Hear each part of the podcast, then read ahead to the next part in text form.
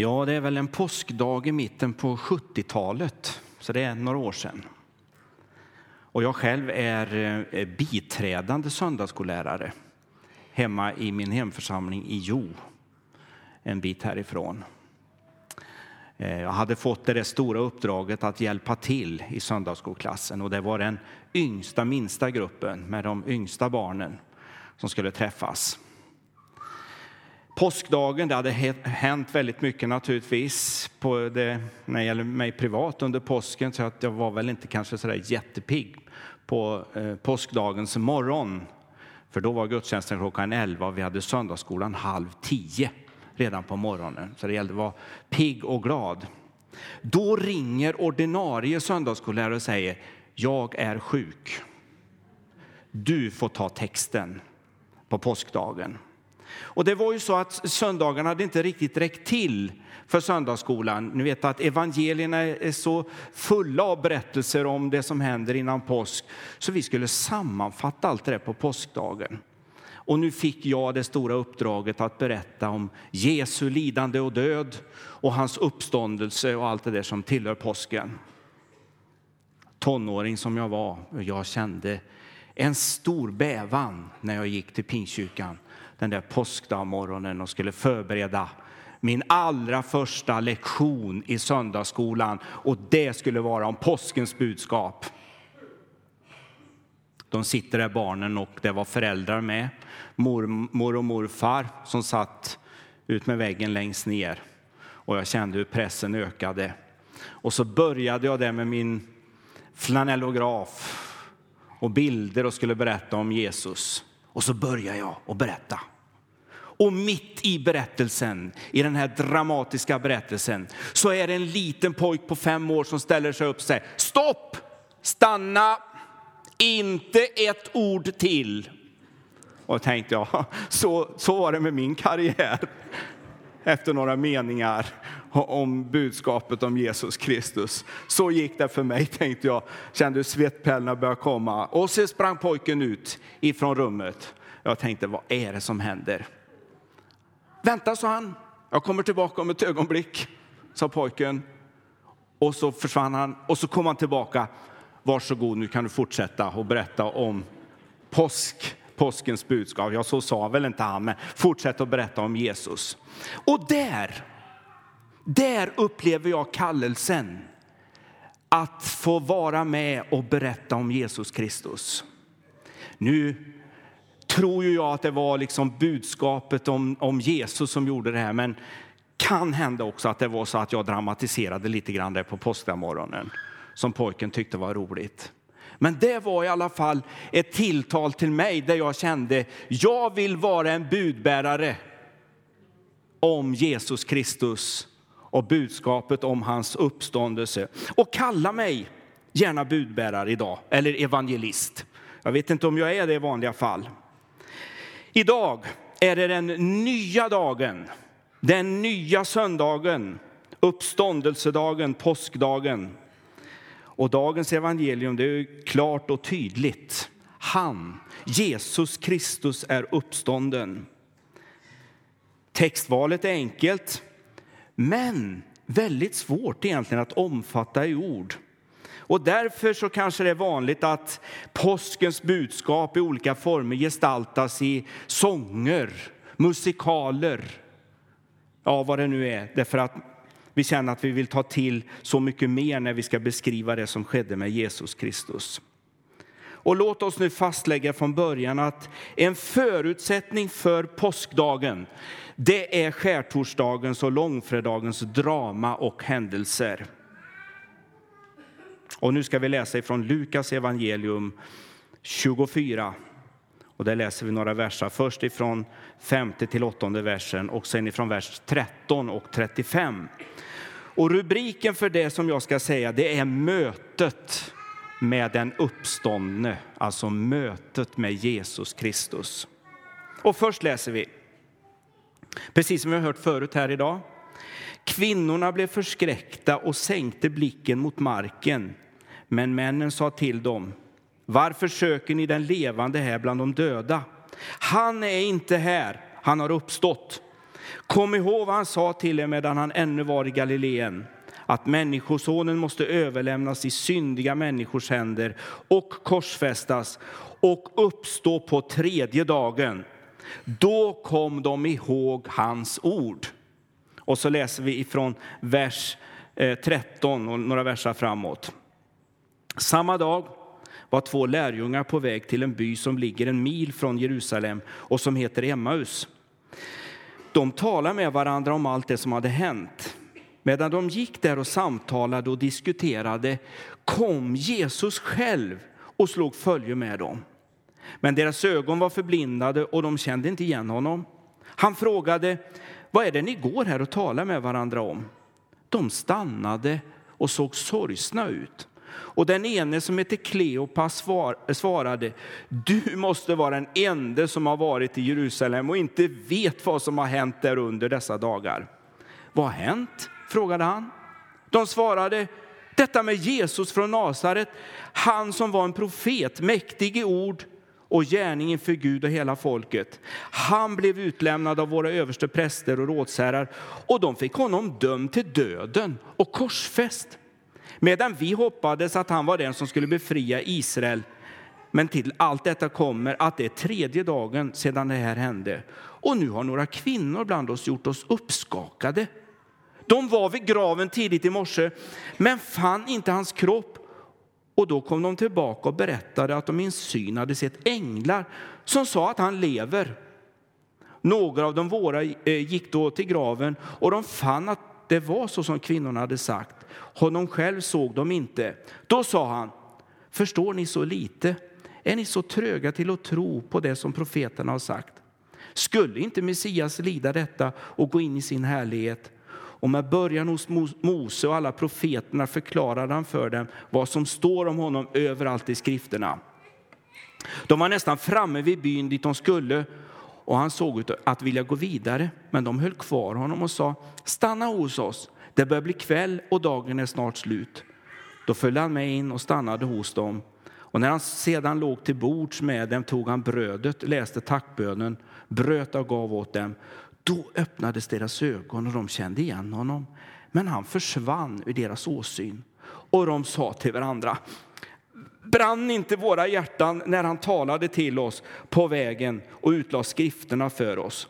De bröt genast upp och återvände till Jerusalem där de fann de elva och alla de andra församlade. Och dessa sa, Herren har verkligen blivit uppväckt och han har visat sig för Simon. Själva berättade de vad som hade hänt dem på vägen och hur han hade gett sig till känna för dem genom att bryta brödet. Vi ber tillsammans. Herre, tack för evangeliet som vi får dela med varandra den här dagen.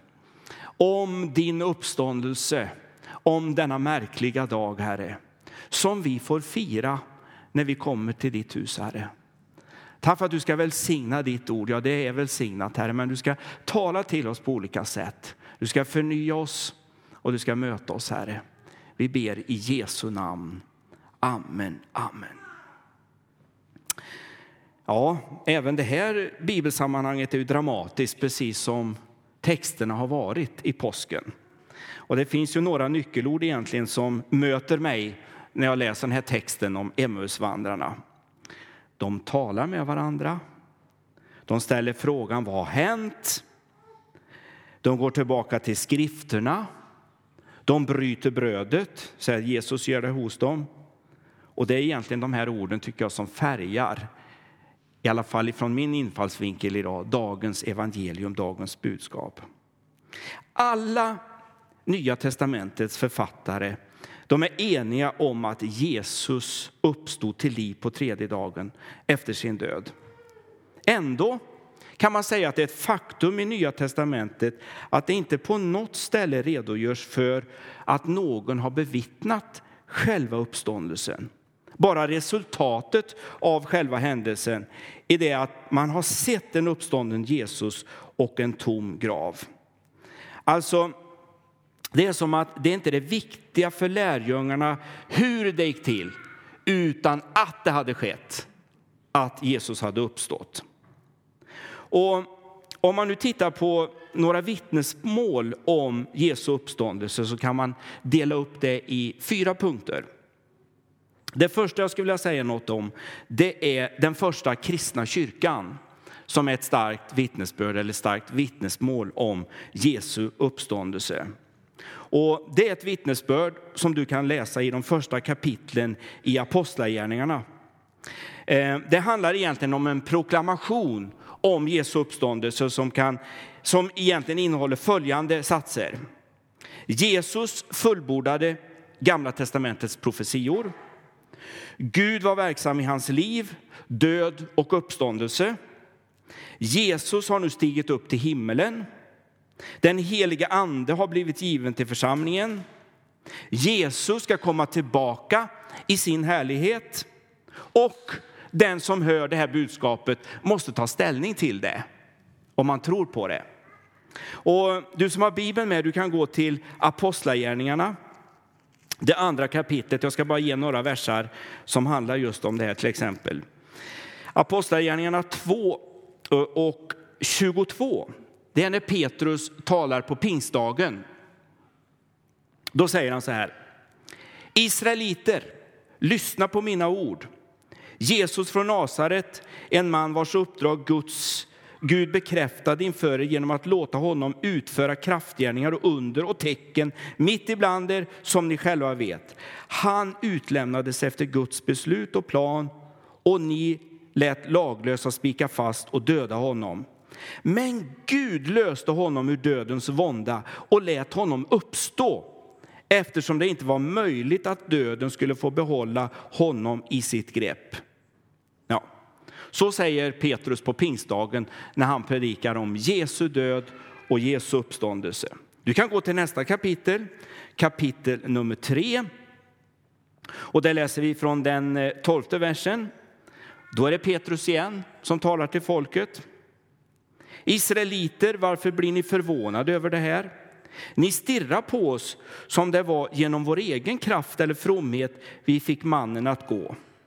Nej, Abrahams, Isaks och Jakobs Gud, våra fäders Gud, har förhärligat sin tjänare Jesus, honom som ni utlämnade och som ni förnekade inför Pilatus när han hade beslutat sig för att fria honom. Ni förnekade honom som var helig och rättfärdig och begärde att få en mördare frigiven. Och vägvisaren till livet dödade ni. Men Gud har uppväckt honom från de döda. Det kan vi vittna om. Och genom tron på hans namn har det namnet till styrka åt mannen som ni ser här och som ni känner. De hade ju varit med om ett under där vid sköna porten, ni vet.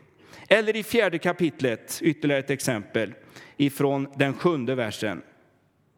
De lät föra fram apostlarna och frågade dem genom vilken kraft eller vems namn har ni gjort detta? Då fylldes Petrus av helig ande och svarade dem ni äldste och folkets ledare, när ni idag ställer oss till svars för en välgärning mot en sjuk och vill höra hur han har blivit botad, då ska ni veta, ni alla och hela Israels folk, att det skedde genom Nazaren Jesu Kristi namn. Tack vare honom som ni korsfäste och som Gud har uppväckt från de döda står den här mannen frisk framför er. Jesus är stenen som föraktas av er husbyggare men blev till en hörnsten. Hos ingen annan finns frälsningen och ingenstans bland människor under himlen finns något annat namn som kan rädda oss. Det var apostlarna och den första kristna kyrkans vittnesmål och budskap om det som Jesus Kristus hade gjort eh, och utfört och det som hade hänt med Jesus på påskdagen. Om man tar bort uppståndelsen ur den här proklamationen som jag har sagt, då blir ju resten så gott som kraftlös, kraftlös och meningslöst. Därför att uppståndelsen är central i den kristna tron. Om vi går framåt i Nya testamentet så möter vi Paulus. Som, han var inte lärjunge till Jesus, men han kom ju till tro på Jesus Kristus och blev förvandlad. Och när han har blivit det så reser han runt i den då kända världen för att proklamera Jesus och det Jesus har gjort. Och Paulus är också med och grundar eh, många församlingar.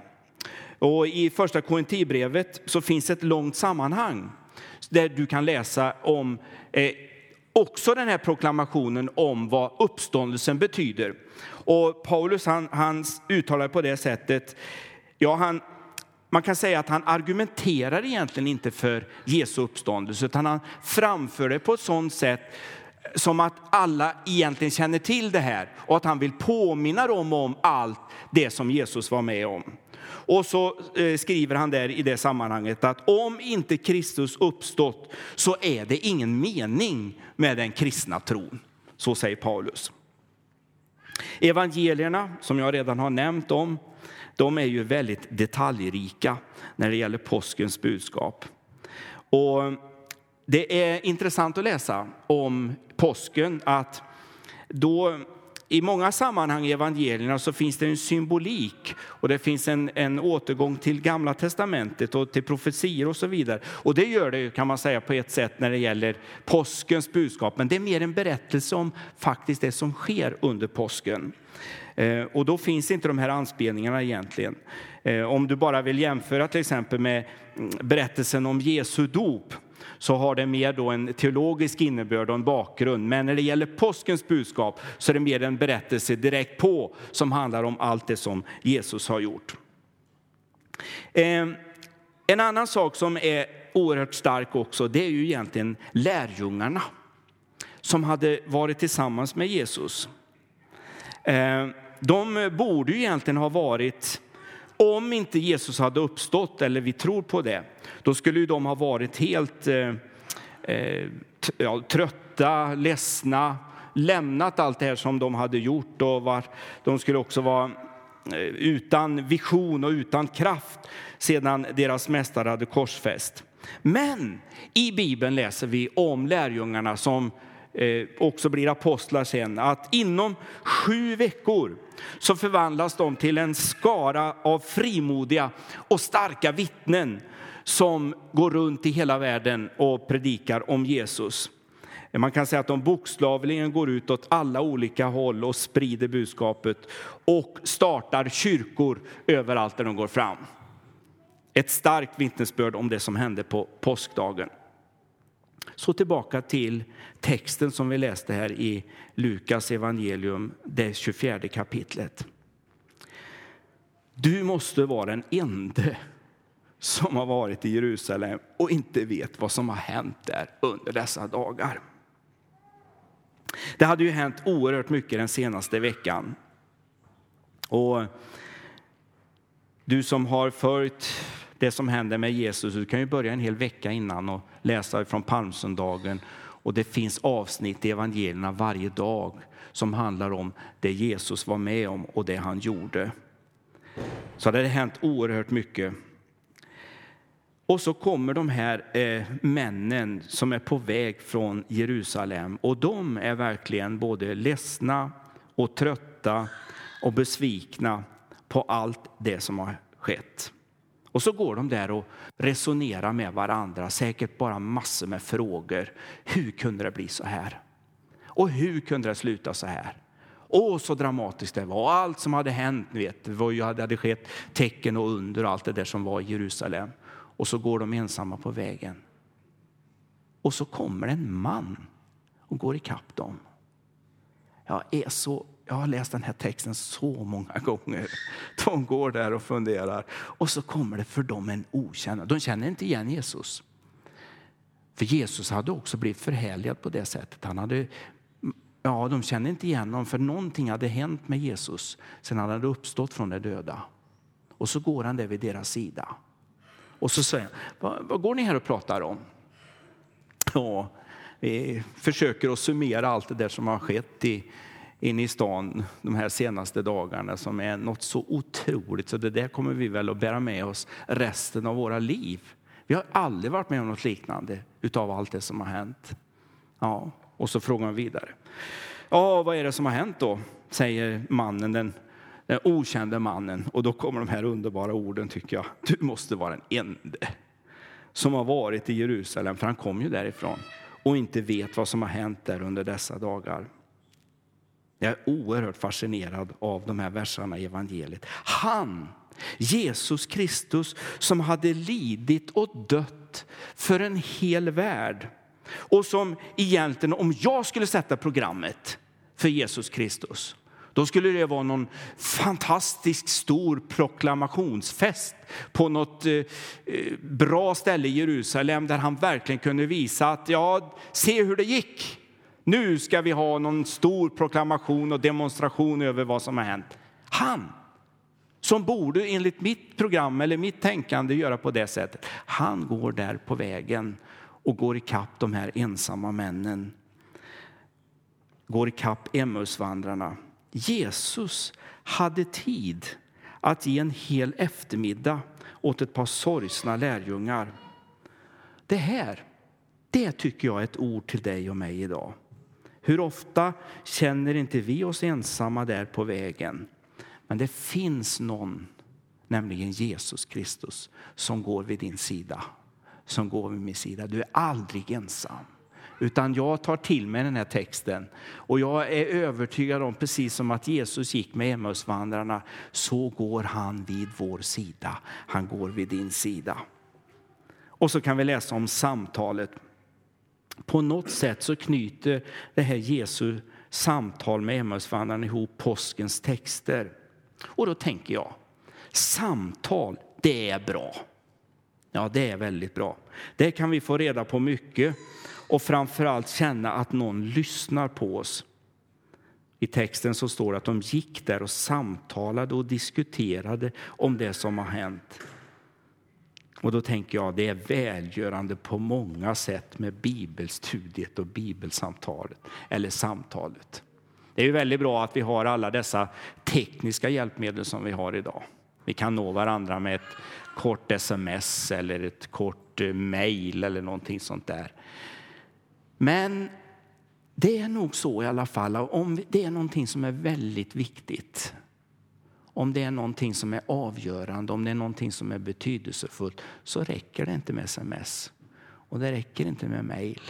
Utan då vill vi träffa den där personen.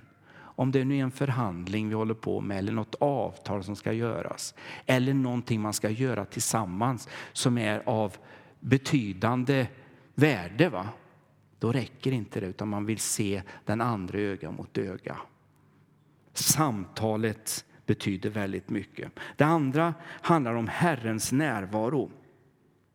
Det händer något mer när vi möts och delar gemenskapen och ordet med varandra. Medan de gick där och samtalade så kom den uppståndne själv och slog följe med dem. Känner du igen det där? Det har vi väl vittnesbörd om allesammans när vi har samlats i den lilla bönegruppen eller vi har samlats i kyrkan eller när vi samlats i Jesu namn ja, så kommer vi från olika håll och vi kanske har med oss lite olika saker. Men plötsligt så händer någonting i mötet, eller hur? Vi känner Guds tilltal. Kanske någon kompis eller vän som sitter bredvid som får ge något ord eller ge en uppmuntran av något slag. Eller vi får lyssna till ett bibelord som går rakt in i våra hjärtan. Och så känner vi, men vad hände egentligen den här stunden? Jag hade egentligen kanske ingen förväntan, men när vi sitter där så har det hänt någonting därför att det är någon mer med i mötet. Och det är Jesus Kristus själv. Genom sin heliga ande så får han möta oss. Herrens påtagliga närvaro. Det tredje jag tänker på när jag läser den här texten om Emmausvandrarna, handlar om skrifterna. Och då tänker jag så här att hur gjorde Jesus själv när han skulle undervisa och berätta egentligen bakgrunden och helheten till det som han hade varit med om själv och det som hade hänt i Jerusalem. Han, Jesus Kristus, använde skrifterna. Ja, och det är väl ett tilltal till oss att vi ska använda skrifterna mycket mer. Jesus han går igenom skrifterna med dem, men han gör någonting mer. Han delar bordsgemenskapen med dem och när han bröt brödet så hände någonting. När Jesus bryter brödet då öppnas deras ögon och de känner igen honom. I närheten och i den här gemenskapen så upplever de uppståndelsekraften. Vi läser i den 34 versen. De, de säger så här, Herren har verkligen blivit uppväckt och han har visat sig för Simon. Mötet med Jesus och hans undervisning gjorde dem till evangelister. Och vi läser att de två lärjungarna de kunde omöjligen behålla det de hade upplevt för sig själva. De ville dela det med apostlarna och de övriga lärjungarna. Och när jag läser det här sammanhanget så tänker jag naturligtvis också tillbaka på när Jesus själv instiftade nattvarden som vi då här i vår kyrka samlas eh, och gör med jämna mellanrum och där vi uttalar gör detta till minne av mig. Alltså, här ligger en djup hemlighet och en kraft som jag tror det finns mycket mer att hämta i. Uppståndelsen, uppväckandet från de döda avslöjar vem Jesus är. När Gud uppväcker Jesus från de döda så proklamerar han därmed att han, Gud, godtar Jesu försoningsverk. Alltså det som Jesus kom hit till världen för att göra. Han kom hit, levde, verkade, kämpade, led och dog för oss allesammans. Jesu uppståndelse blir därmed central i Bibeln och i den kristna tron. Det finns en kraft som är starkare än mörkret och döden. Och Jesus han uppstod från de döda därför att skrifterna skulle fullbordas, som jag sa här förut. I Romarbrevet 4 och 25 så läser vi också att Jesus han uppstod därför att du och jag skulle bli rättfärdiggjorda, som det står. Han blev utlämnad för våra överträdelsers skull och uppväckt för vår rättfärdighets skull. Alltså egentligen, han blev utlämnad för våra synders skull och för att vi vandrade borta från Gud. Men han blev uppväckt för vår rättfärdighets skull, rättfärdiggörelses skull. Alltså för att du och jag skulle bli frikända, att du och jag skulle få vänskap och barnaskap hos Gud och att vi skulle bli fyllda med Guds godhet, skulle man kunna uttrycka det. För det tredje, Jesus han uppstod därför att du och jag ska övergå från döden till livet. I Johannes 5 läser vi sannerligen, jag säger er, den som hör mitt ord och tror på honom som har sänt mig, han har evigt liv. Han faller inte under domen utan har övergått från döden till livet. För det fjärde, påskdagens underbara budskap handlar om det som började och som fortfarande sker i hela världen och som kommer att ske en dag. Det pekar på det eviga livet. Jesus han var den förste, men det talar om vad som ska ske med alla som tror på honom, om livet efter döden och himmelen. Om jag nu ska avrunda och sammanfatta det jag har försökt att spegla och säga någonting om, så är det för det första, påskdagen är en unik dag. Och det är egentligen anledningen till att vi träffas här idag. För då började de kristna, de som trodde på Jesus, de började att mötas för att fira Jesu uppståndelse. Så egentligen är det så att varje söndag när vi går till kyrkan så är det för att fira Jesu uppståndelse. Påskdagen liksom fortsätter söndag efter söndag. Det vi, när vi går till Herrens hus och olika typer av kyrkor som finns runt om i hela världen så är det för att proklamera och visa att vi tror att Jesus han dog men han uppstod på tredje dagen och så firar vi söndagsgudstjänst. Den nya dagen, eller gudstjänsten, hör nu, firas idag av ungefär två miljarder människor runt hela vår värld. Vi är några i Karlstad, vi träffas i olika kyrkor idag här och vi träffas runt i hela Sverige. Men två miljarder av världens befolkning firar idag på ett eller annat sätt Jesu uppståndelse. Det är något fantastiskt utifrån det vi har läst i evangelierna. Kan två miljarder ha fel? Nej, två miljarder har upplevt någonting, upplevt tron på Jesus Kristus och vill fira det och föra det vidare. För det tredje då, nu ska jag sammanfatta. Påskdagen talar egentligen om att det finns någonting bortom mörker, bortom lidande, bortom det här kamp som vi möter så finns ljus och liv. Och låt mig avsluta med att säga Jesus Kristus är uppstånden. Amen. Herre, tack för att vi får mötas så här, Herre, och så får vi dela ditt ord. För att stanna upp inför det du gjorde för oss, för mig, med påskens evangelium. Tack för lidandet i ett semane. Tack för att du dog på korset, Herre. Men tack också för att du blev uppväckt från de döda av Gud själv, Herre. Därför att vi också skulle få ett helt nytt liv, Herre, som eh, sträcker sig bortanför också graven, Herre. Tack för evigheten som du har lagt i våra hjärtan och tack för att du vill ha gemenskap med oss allesammans. Och tack för uppståndelsekraften, Herre, som är verksam idag. Och Herre, låt oss få uppleva den tillsammans. Vi ber i Jesu Kristi Nazarens namn. Amen.